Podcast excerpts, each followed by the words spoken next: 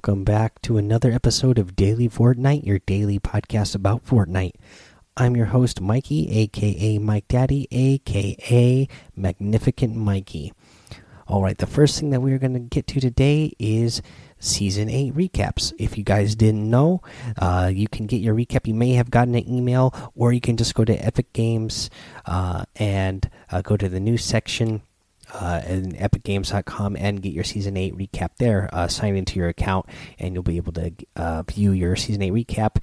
If you guys you know tweet me your little photos or the video itself showing that you supported me in the season 8 recap i'll definitely retweet that and uh, you know like it and you know appreciate you all uh, for doing that. Uh, thank you so much for that you guys. Really appreciate you guys. Showed big support last season. I hope you guys keep it up. It, it's you know uh, it really means a lot to me that you guys, uh, you know, show your support uh, just by using my creator code.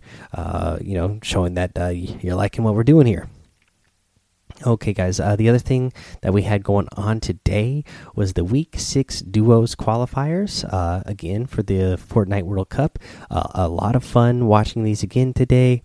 Um, you know, tomorrow is the the big day where you know these duos are actually going to try to qualify for a World Cup. We're in the semifinals now, so 1,500 teams from each region are going to be going into the semifinals tomorrow to get into the World Cup. So we'll see uh, how they do. I I'm just, I still have my eye on Ninja. I mean, him and um, Reverse have been playing really good. Uh, so you know, I think. Uh, they're going to get in one of these weeks. So they still have what this is week six, then eight, and then ten. So they still have three more chances to qualify as a duo. I, I'm pretty sure they're going to get in. Uh, they they play so well all the time that I think eventually it's going to pan out for them. Um, and I've been having a lot of fun watching them lately. Let's see here. What else? Uh, let's go ahead and uh, let's do a week two challenge tip now. So let's uh, learn how to launch off air vents. And it's easy to launch off air vents. You have to do this in five different matches, by the way. Um, uh, you know, all you have to do is go to one of the air vents and jump on top of it, and your character will go launching off of it. So it's that easy. But maybe you don't know where all the air vents are. So that is something you're going to want to know so you can get this challenge done. Uh, well, we've gone over where the. Um, you know the sky platforms are so there's air vents on all uh, seven of those sky platforms again they're in uh, let's see here c4 uh, D7. Uh, let's see here. This is F F3, uh, H4, and F7. Did I say that one already? And uh, F6. So that's where you're going to find the the the sky platforms. So that's real easy to drop on at the beginning of the match. But there's also air vents at, at, at the uh, at the factories at Loot Lake on the west side of Loot Lake. In let's see here, that's D4. There's also uh, vents in Neo Tilted in D5. You're going to find vents in Mega Mall in H6. Uh, so those are other uh, some other areas that you can go uh, besides those sky platforms that have those air vents. And again, they're like uh, when you when you see them, they're square. Um, they're square little blocks, and they have like four little wind turbines on there that you'll see on them. Four little fans, and uh, you'll see them. You'll see the wind blowing out of them. So that is what the air vents are, and you, those are the things that you need to jump off of. So uh, you know, just jump onto it and it'll go. It'll send you launching off. And again, you have to do that in five different matches. Alrighty, guys. Uh, let's go ahead take a little break here. Come back with our item shop and our tip of the day. Okay, let's go over this item shop, and we got a couple of new, really awesome items in the item shop today. First up is the Versa outfit. This is part of the Neo Chaser set. Uh, Mastermind for Hire this is a really awesome looking outfit. Uh, she is, you know, super sleek, uh, looking like she's from the future. She's got on some sort of special uh, tactical goggles on, is what I'd like to think about. Like to think of them as. Uh, she's got these. She's got this real cool, like see-through jacket that she's wearing. Um, yeah, I just like it a lot. Uh, you get the frenzy back bling that comes with it, burn through the firewall. Uh, again, just absolutely loving this uh, this outfit right here. And the this one I'm loving as well. The Ether outfit, infiltrate and conquer. This is also part of the Neo Chaser set. Uh, loving this guy. He's also got the same sort of clear jacket on. He's got on, uh, you know, a, a, gas mask type of uh, face mask here. Uh, really cool looking guy. He comes with the uh, CNXN back bling, always connected. It says. Uh, also, part of the Neo Chaser set, you get the Web Wrecker harvesting tool. It's high tech precision, and the Tech Turbine Glider, Adapt, and Excel. So, yeah, those are all really uh, cool items uh, in the item shop right now. And then, of course, you can't go wrong with the uh, John Wick outfit still in there. The Simple Sledge harvesting tool, the Assassin Wrap, the Bulletproof emote, the Be Seeing You emote. All really good stuff, part of the John Wick set.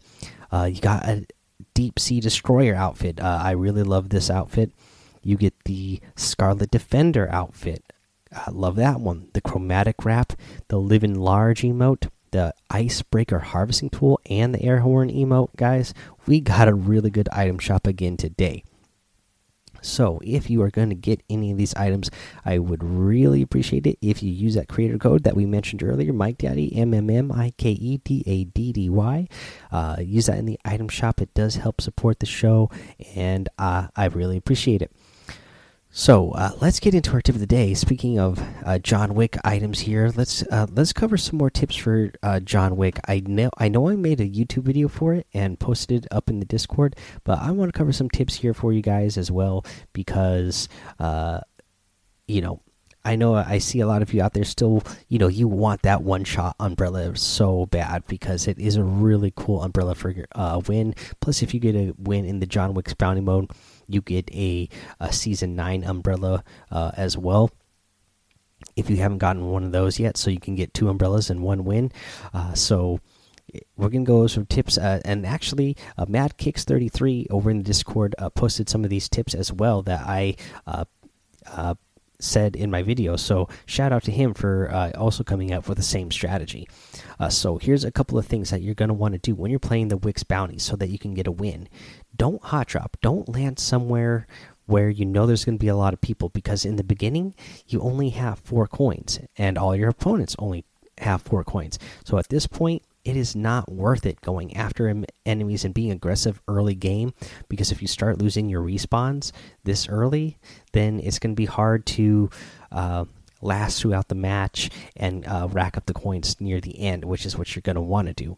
Uh, this is one that uh, Mad Kicks uh, put in there that I didn't put in my video, but it is a good suggestion is to carry shields uh, because when you respawn, whatever items you were carrying, uh, you will have when you respawn. So if you have shields, uh, when you when you respawn, you'll be able to apply those right away. That way, you're running around with more than 100 health.